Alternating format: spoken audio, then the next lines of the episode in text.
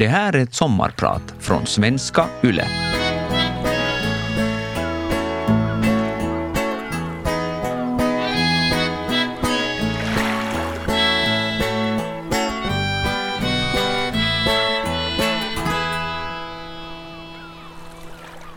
Jag ligger i hängmattan och fantiserar om framtiden. Inte jobbhösten eller nästa sommars cykelresa, utan framtiden. Kanske slumrar jag till, för jag blir väckt av en svärm drönare som ska sätta stopp för den senaste skogsbranden som spridit sig med rasande fart. Det finska klimatet är nog väldigt behagligt, men på sistone har de långa torra perioderna blivit allt vanligare. På verandan står min Carbona. Det är en kolfångare för privatbruk. Den fångar upp koldioxid ur luften och omvandlar det till ett smidigt garn. Ibland stickar jag kläder till mina barnbarns barn av garnet. De brukar tacka mig artigt, men å andra sidan så brukar jag aldrig se dem bära plaggen. En av de positiva sidoeffekterna med Carbona är att den också tar bort en del lukt ur luften, så röklukten från skogsbränderna är inte lika irriterande som förut. Jag är nu 107 år gammal. Jag gick i pension från mitt jobb som digital designer för ungefär 40 år sedan.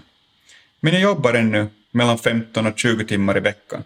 Mest för att det är roligt och intressant. Nu är jag varm och törstig, så jag kravlar mig ur hängmattan och går in i det svala huset. Jag hör att mitt barnbarn Aisha har kommit hem. Hon sjunger för full hals. Hon jobbar tydligen med Sailist, en tjänst som uppmuntrar människor med talsvårigheter att sjunga med i sånger som upprepar svåra ljud. Aisha och hennes familj flyttade in hos mig för fem år sedan. Inte för att jag nödvändigtvis behöver övervakas eller tas om hand. Men huset ligger vackert utanför stan och är tillräckligt stort för att alla ska få plats. Det känns bra, för mig också, med lite liv och rörelse i huset. Jag satsade nyligen en del av mina besparingar på en robot som hjälper mig med hushållet. Jag har döpt roboten till Risto. Han är rätt bra på att hålla rent och påminna mig om mina terapier. Tyvärr så lagar han trist mat och han har inte heller speciellt bra humor. Det är lördag och det betyder bastubad, så jag skickar iväg Risto för att värma bastun. Både Aisha och jag gillar känslan och doften av vedeldad bastu. Med ett ryck vaknar jag ur min slummer. Min fru står och ropar att bastun är klar. Allt jag nyss drömde ligger i framtiden, men inte så långt bort. Om kanske 10 eller 20 år kommer det att vara ganska standard för många. Jag heter Olof Skybertsson och jag är din sommarpratare idag. Jag bor i London med min familj och på grund av pandemin har vi inte varit i Finland på länge. Därför sommarpratar jag också från mitt hem i London. Om du undrar varför det lite susar i programmet. Här jobbar jag med olika kunder, ofta stora företag, för att tänka ut och designa en bättre framtid. För det mesta ägnar vi oss åt den nära framtiden, på tjänster och upplevelser som kan förverkligas inom de närmaste åren.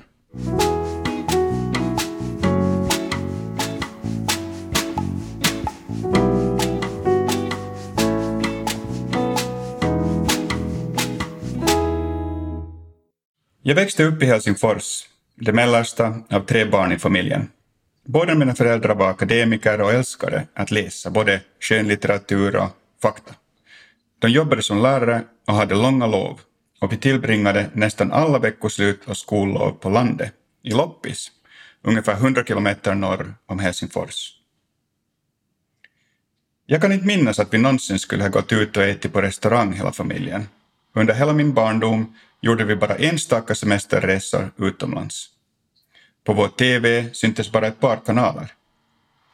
Då framstod ju mitt liv som helt normalt och i linje med vad de flesta andra upplevde. Men när jag nu jämför det med all organiserad sport, sociala aktiviteter och inte minst den mängd digital underhållning som mina barn har till buds så är skillnaden nog ganska stor. Att tillbringa så mycket tid med bara min närmaste familj på en ås i ett skogsbryn bredvid en sjö satte nog en stor prägel på mig. Jag byggde saker av trä, utforskade skogen, seglade och paddlade kajak på sjön, cyklade runt, grälade med mina systrar och tillbringade ett oändligt antal timmar i något gömställe eller på en soffa med näsan i en bok. Ibland kom min bästa vän Jocke på besök och stannade ett par dagar. Ibland en hel vecka. Och ibland hade mina föräldrar gäster över dagen. Det var alltid spännande. Men för det mesta var det bara vi fem. När jag tänker tillbaka på den tiden minns jag att jag ofta hade det tråkigt. Men det satte fart på min fantasi, så det var knappast så tragiskt, trots allt. Det var lite samma sak i skolan. Det fanns inte så många ämnen som jag var väldigt förtjust i, med undantag av bildkonst. Jag var ingen mästare i något av de traditionella ämnena, men å andra sidan hade jag inte speciellt svårt heller. I skolan vandrade mina tankar ofta iväg. Jag var inte särskilt social, men jag hade min bästa vän som jag lekte med efter skolan. Som tonåring blev mitt umgänge lite större, men det hölls ändå i en riktigt liten grupp. Under decennierna sedan dess har kombinationen av mitt liv utomlands och mitt kundfokuserade jobb nog gjort mig kanske lite mindre introvert och antisocial. och intressant nog så är de sociala dimensionerna i mitt jobb nu väldigt centrala. Mot slutet av min skolgång tog jag mig i kragen och pluggade till studentexamen och gick ut med bra betyg. Däremot hade jag ju ingen aning om vad jag skulle göra efter det. Helt klart var i alla fall att mina favoritämnen, som bildkonst, definitivt inte skulle vara till någon nytta i arbetslivet. Så jag flöt omkring några år. Jobbade ett år på en fabrik i Tyskland, var åtta månader i militären, pluggade filosofi vid Helsingfors universitet i ytterligare ett år. Men inget av det här var till någon nytta för mig på karriärfronten. Till sist så insåg jag att jag kanske skulle kunna jobba inom design och på det sättet få vara kreativ och ägna mig åt lite konst utan att nödvändigtvis vara en svältande konstnär. Det var som gjort för mig, så jag bestämde mig helt enkelt att bli designer.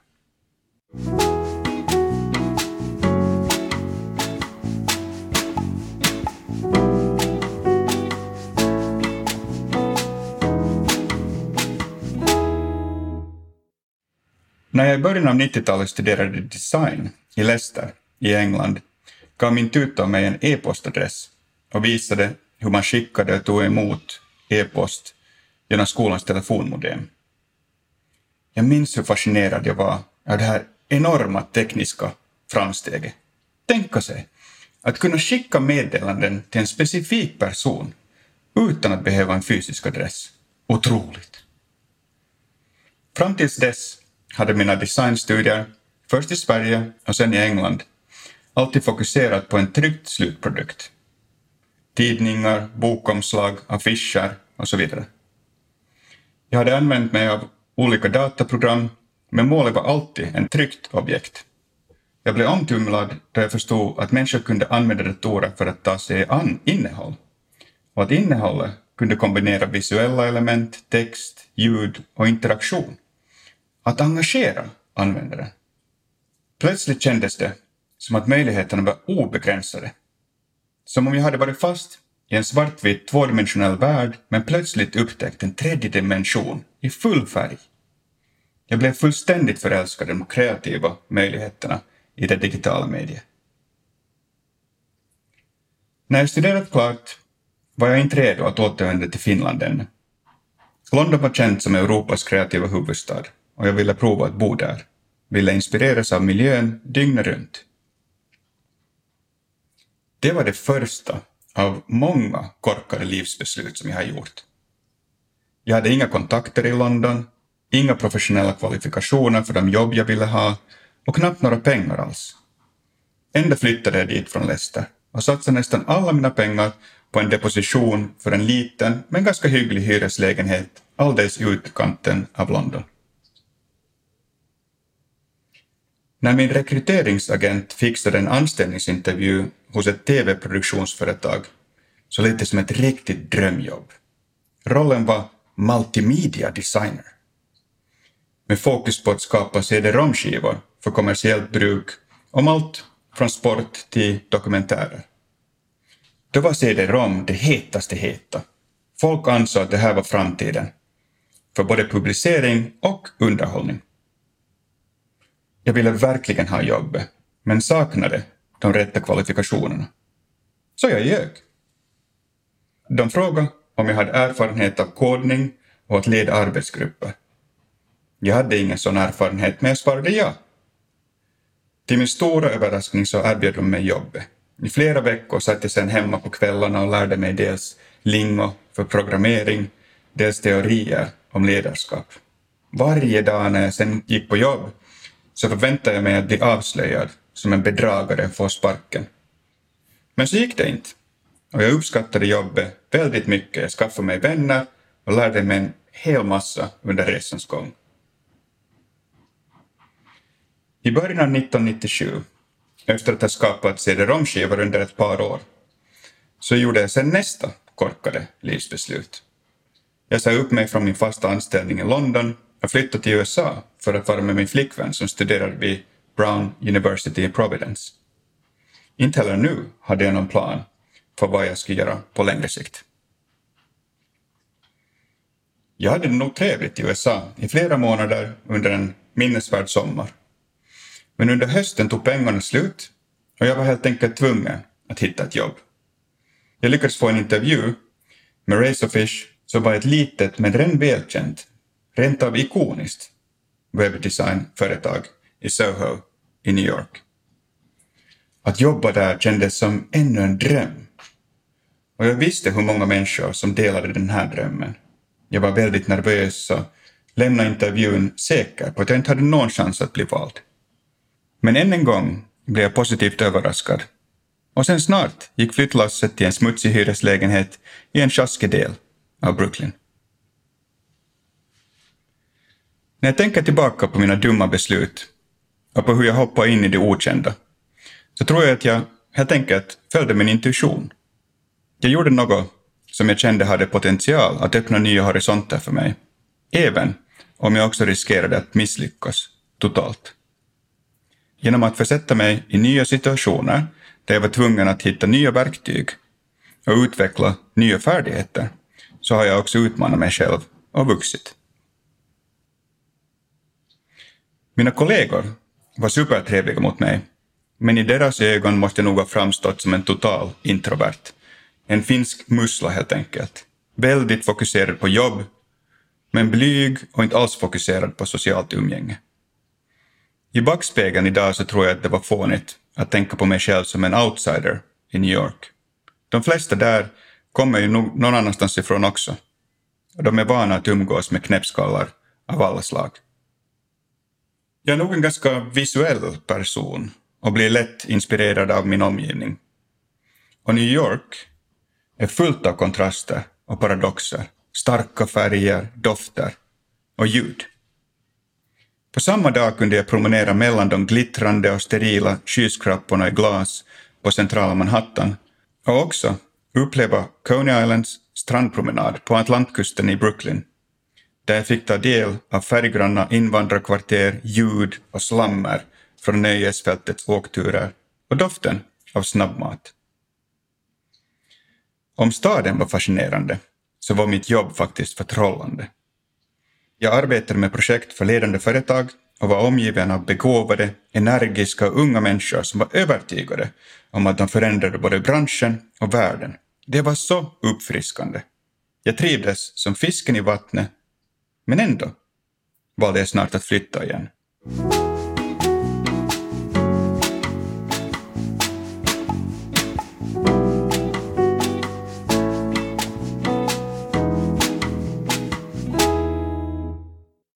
Jag heter Olof Skybersen. Till vardags jobbar jag med digital design, men idag är jag din sommarpratare. Razorfish fortsätter växa och vid millennieskiftet bad cheferna för Londonkontoret mig flytta till London för att leda deras kreativa team. En av de saker som lockade mig var den företagskultur cheferna i London hade byggt upp. Allt var öppet, nyfiket och inriktat på samarbete. Jag tyckte att det kändes väldigt fräscht och bestämde mig för att flytta till London. Ett bra beslut på många sätt. Framför allt för att jag där träffade Leonora, en fantastisk partner som numera är min fru och mor till våra två barn.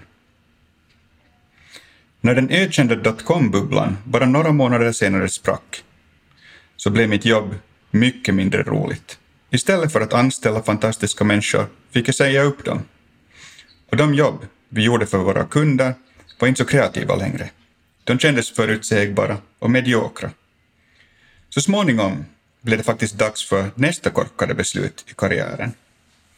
Jag lämnade mitt välbetalda chefsjobb för en okänd och osäker framtid. Jag älskade Leonora och jag visste att jag ville bo med henne i London, men jag hade igen ingen plan för vad jag skulle jobba med. Jag behövde rensa tankarna och gjorde tillsammans med mina goda vänner från Finland ett par minnesvärda resor. Bland annat paddlade vi kajak i Kaliforniaviken i Mexiko. Ett äventyr i ökenklimat. Tillbaka sen i London så började jag samarbeta med ett par av mina tidigare chefer som också hade sagt upp sig. Vårt lilla projekt blev till slut ett konsultbolag för design och innovation som vi döpte till Fjord. Men 2001 var faktiskt ingen lätt tidpunkt att starta ett nytt företag fokuserat på digital innovation. Ingen ville ju köpa innovation och digitalt var nästan en svordom i företagsvärlden. Från ett affärsperspektiv blev allting ännu värre för oss då två plan flög in i World Trade Center i New York och världen blev besatt av kriget mot terrorn. Nya idéer och innovation var det sista kunderna ville tala om. Även om det var kärvt i flera år så hade vi turen att få några visionära kunder som trodde på oss, som Nokia och BBC. Vårt arbete innebar en brant inlärningskurva inom mobilteknik långt innan smarttelefonerna tog fart, någonting som vi sen hade stor nytta av när mobilmarknaden blev glödhet 2007 efter att iPhone hade lanserats. Vi jobbade med nyskapande koncept och tjänster. Vi hjälpte till exempel BBC att designa deras revolutionerande on-demand-tjänst iPlayer, som var en tidig föregångare till Netflix. För Nokia jobbade vi med Lifeblog, en innovativ tjänst som samlade ihop textmeddelanden, foton och videor till en enda lång tidslinje, personlig för varje enskild användare. Tjänsten blev aldrig någon stor kommersiell framgång, men visade ändå vägen för både sociala medier och media i en vidare bemärkelse. Tidslinjer med blandade typer av innehåll. Vi var ambitiösa och nyfikna och jobbade målmedvetet för att växa och bli internationella. Paradoxalt nog för mig så placerades vårt första internationella kontor i Helsingfors och vi flyttade dit 2008. Det var underbart att än en gång bo nära familj och vänner och fint att se vår son Inigo växa upp i Helsingfors och lära sig både svenska via dagis och engelska via sin mamma, båda två flytande. Fyra år senare föddes vår andra son Emery och livet fortsätter att rulla på. Vi trivdes faktiskt ypperligt i Helsingfors trots att den finska kulturen kan vara ganska svårt att tränga sig in i på riktigt. Också Leonora klarade det hela bra. Trots att hon tagit en paus från sitt jobb och var tvungen att uthärda de kalla vintrarna i Helsingfors, släpandes på små barn genom djupa snödrivor. Precis som vanligt borde jag kanske ändå ha sett det goda livet som ett tecken på att en förändring var på gång. Mycket riktigt. 2013 sålde jag och mina kollegor bolaget till Accenture, ett stort teknologiskt konsultbolag. Det här var en chans för oss att utveckla bolaget i USA. Och för familjen var det en bra möjlighet till ännu ett äventyr. Den här gången ska jag få uppleva New York med min familj.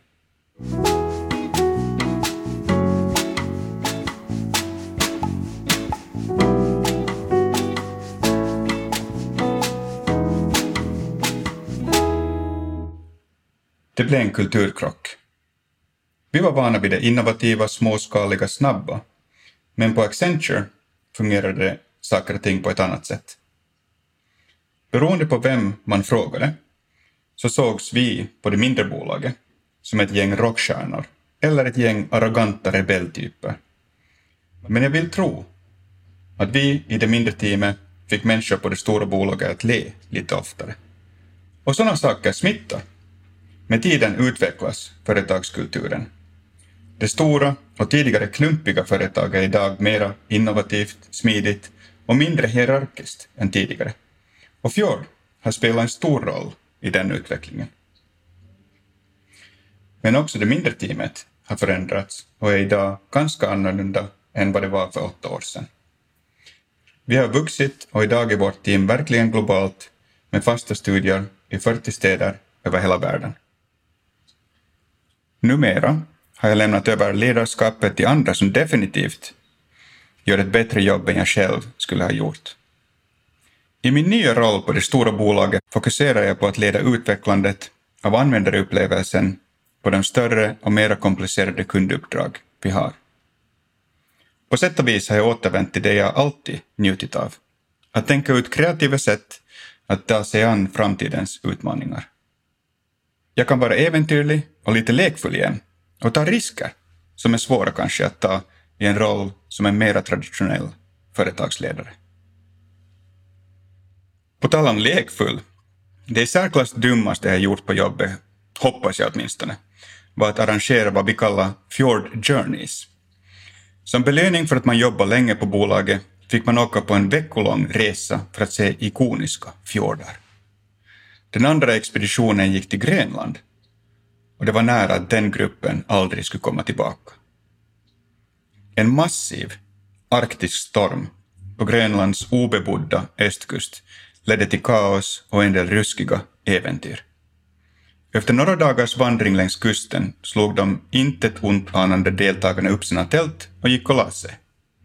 Men tyvärr för dem så blev vilan ganska kort. Mitt i natten väcktes de för att blixtsnabbt evakueras från lägret med hjälp av ett par små fiskebåtar. I stormförhållanden spenderade de natten på små båtar som de lokala inuiterna träget manövrerade runt en massa isberg i fjorden. På morgonen till slut så anlände de här utmattade resenärerna till närmaste bosättning. En liten by med ett par hundra invånare. Där sökte de snabbt skydd i ett primitivt uthus som blev deras härberge under flera dagar då stormen rasade utanför. Senare hörde jag att en del av resenärerna hade fruktat för sina liv. Jag minns hur en av de utmattade deltagarna efteråt sa åt mig Olof, om det här var en belöning så vill jag faktiskt inte veta hur dina bestraffningar ser ut. Sen dess har jag försökt undvika att försätta folk i direkt livsfara, men jag gillar ändå att skaka om saker och ting lite och utmana status quo. På en konferens till exempel gick jag fram till en dominant företagsledare som de flesta i branschen fruktade och sa till honom att hans företagstjänster var på tok för komplicerade och att kundens användarupplevelse var förskräcklig. Till min stora förvåning så lyssnade han på mig och sen anställde han mig för att hjälpa till lösa problemen. När vi jobbade med världens största hotellkedja för att hjälpa dem förnya kundernas upplevelse blev jag frustrerad över att vår insats var för konventionell och jag bestämde att vi helt enkelt skulle bygga upp framtiden i en källare. Vi hyrde in scenografer och ett gäng byggarbetare och jobbade frenetiskt i tre veckor för att skapa en fysisk modell för framtidens hotellupplevelse. Vi kombinerade teater och scendesign med hologram och digitala projiceringar.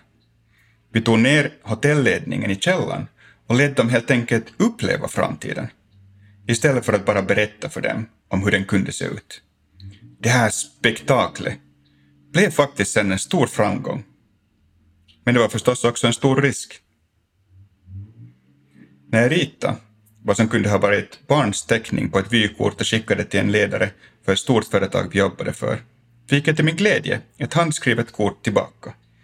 En personlig touch leder till ett personligt svar, antar jag. Som du säkert redan förstått tror jag på förändring, gärna snabb förändring. Det är mycket som går trögt och långsamt och många tycker att långsam och gradvis förändring är bäst. Det tycker inte jag. Jag tror att det bästa sättet att hjälpa människor att se saker på ett nytt sätt helt enkelt att överraska dem, att få dem helt uppslukade av en oväntad upplevelse. Jag tror också att skratt och positiv energi smittar av sig och är viktiga krafter att räkna med. Efter fem år i USA återvände vi till Europa och nu bor vi i ett hus i det prunkande gröna och lummiga Surrey, söder om London. Tidigare har vi bott centralt i städer, men den här flytten till landsbygden har gjort oss gott. Det har också varit den perfekta platsen att klara av en lockdown på. Skola på distans och jobba hemifrån blir faktiskt så mycket lättare när man mellan varven kan samla lite kraft ute i naturen.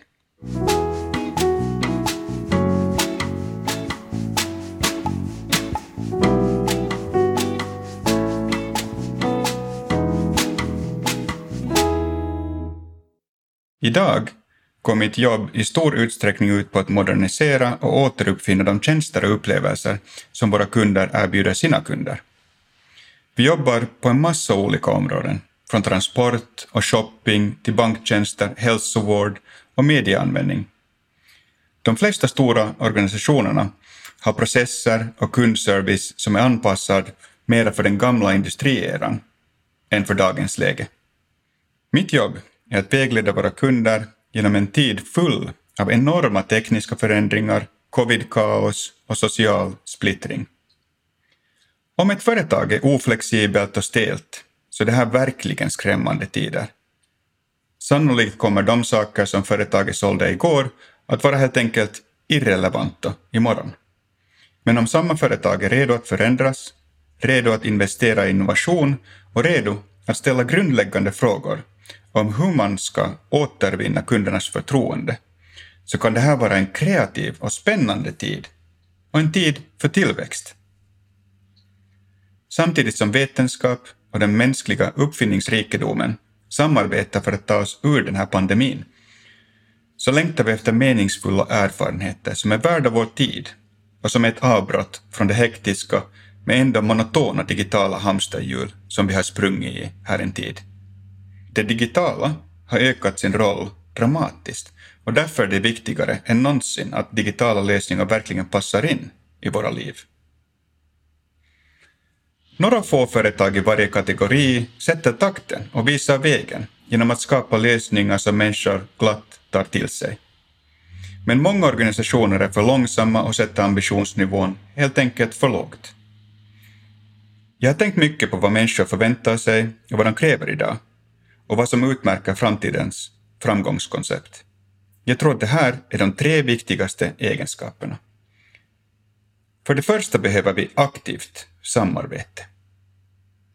De senaste årtiondena har företag investerat stort i digital förändring med målsättningen att öka den egna effektiviteten.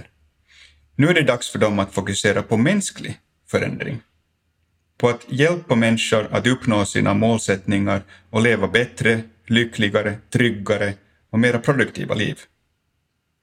Företagens förhållande till kunderna handlar på så sätt mer om samarbete och mindre om enbart pengatransaktioner. För det andra kommer den osynliga assistenten att träda fram. Informationsflödet idag är enormt. Det är inte så konstigt att vår uppmärksamhet är splittrad och att vår förmåga att fokusera har fått sig ett par törnar. Många längtar efter en digital avstängningsknapp som kunde göra vissa saker osynliga för dem. Företaget borde sluta tränga sig in och istället smidigare anpassa sig till våra liv. Det finns ett värde i att göra delar av kundupplevelsen osynlig, särskilt om det betyder att tidskrävande eller oönskade upplevelser automatiseras och försvinner. Att ge människor tid tillbaka bidrar på ett mycket direkt sätt till att förbättra människors liv. För det tredje behöver vi ansvarstagande aktörer. Företag måste förutse konsekvenserna av de nya tjänster och lösningar som de erbjuder. Till exempel har hemleveranser ökat exponentiellt sedan början av 2020. Hur påverkar det här miljön? Vet du om de chaufförer företaget använder sig av behandlas väl? Gör underleverantörerna sitt för att göra världen och samhället bättre? Uppmuntrar de sina anställda och sina ekosystem att göra detsamma? Kraven på ekologisk och social hållbarhet kommer bara att öka i framtiden, så företag gör bäst i att satsa på det här området, eftersom det helt klart kommer att påverka kundernas val och beslut. Att förbättra människors livskvalitet är ändå inte lika lätt som att bara ge dem vad de vill ha och när de vill ha det. Det är ganska knepigt, men viktigt. Det handlar om att hjälpa människor till mer hållbara och empatiska beteenden.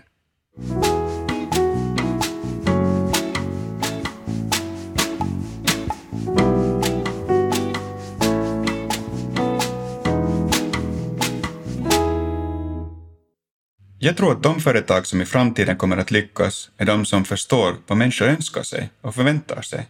De som har människorna, inte vinsten, som sin kompass. Vi tänker ofta på covid som en stor störning av en sort som vi aldrig har sett förut. Men jag tror att vi måste vänja oss vid att det kommer fler chockvågor som påverkar samhället, klimatet, teknologin och hälsovården. Företag med en hierarkisk struktur med fokus på effektivitet och förutsägbarhet kommer att vara sårbara och sköra. De klarar inte av de här kommande chockerna och kommer så småningom att gå under. Jag tror stenhårt på att de företag som kommer att vara framgångsrika är de som har platta strukturer och värderar samarbete högre än kontroll. För dem är flexibilitet viktigare än förutsägbarhet och människor och syfte viktigare än produktivitet. Jag funderar ofta på vilka jobb som kommer att behövas och vara viktiga i framtiden. Vilka färdigheter människor kommer att behöva när teknologin får en mer central plats i både företagande, samhälle och det dagliga livet. Jag tror att traditionellt yrkeskunnande kommer att bli mindre viktigt i framtiden eftersom maskiner är mera effektiva och ofta också billigare. Men en del kompetenser kommer att bli viktigare kritiskt tänkande, kreativitet, samarbete och medkänsla är kompetenser som kommer att vara centrala, både för framtidens arbetstagare och arbetsgivare. Medkänsla kan framstå som luddigt och svårt att definiera, men kommer att bli allt viktigare när världen utvecklas och förändras. Företag kommer att tvingas utarbeta djup empati för sina anställda, sina kunder och för djur och natur. Medkänsla är också en nyckelkompetens inom all form av service. Oavsett om man jobbar i ett hotell eller ett finansbolag är förståelse och empati avgörande för hur bra service du ger dina kunder. För mig personligen har det sociala och känslomässiga skyddsnät jag fick när jag växte upp i Finland varit helt grundläggande. Utan det hade jag aldrig vågat chansa och fatta korkade beslut. Det är nog liksom ganska mycket lättare att hoppa om man tror att man landar någorlunda mjukt. Trots att jag på grund av pandemin inte besökt Finland på snart två år så känner jag mig underligt nog närmare mitt hemland än på mycket länge. Jag ser så mycket fram emot riskfritt resande och möjligheten att tillbringa tid i Finland igen. I väntan på det, och kanske också i väntan på roboten Risto, så lägger jag sista handen vid min egen vedeldade bastu här i vår engelska trädgård. För tillfället känns det som en välsignelse att få jobba med smarta människor, att få vara med och uppfinna en framtid för ledande företag. Och viktigast av allt, att ha en frisk familj som klarat sig väl genom pandemin. Ändå inser jag ju nu att jag inte har fattat några korkade livsbeslut på ett tag. Så förmodligen är det dags att än en gång ta ett stort skutt. Jag har ännu ingen aning om vilken riktning det skuttet tar. Det är en del av spänningen antar jag, och jag blir faktiskt lite upprymd när jag tänker på alla risker och möjligheter som finns där ute. Jag heter Olof Schybersen och idag har jag varit din sommarpratare. Jag vill uppmuntra dig att ibland våga göra korkade beslut och att njuta av den finska sommaren. Ja, ibland är det kanske till och med samma sak.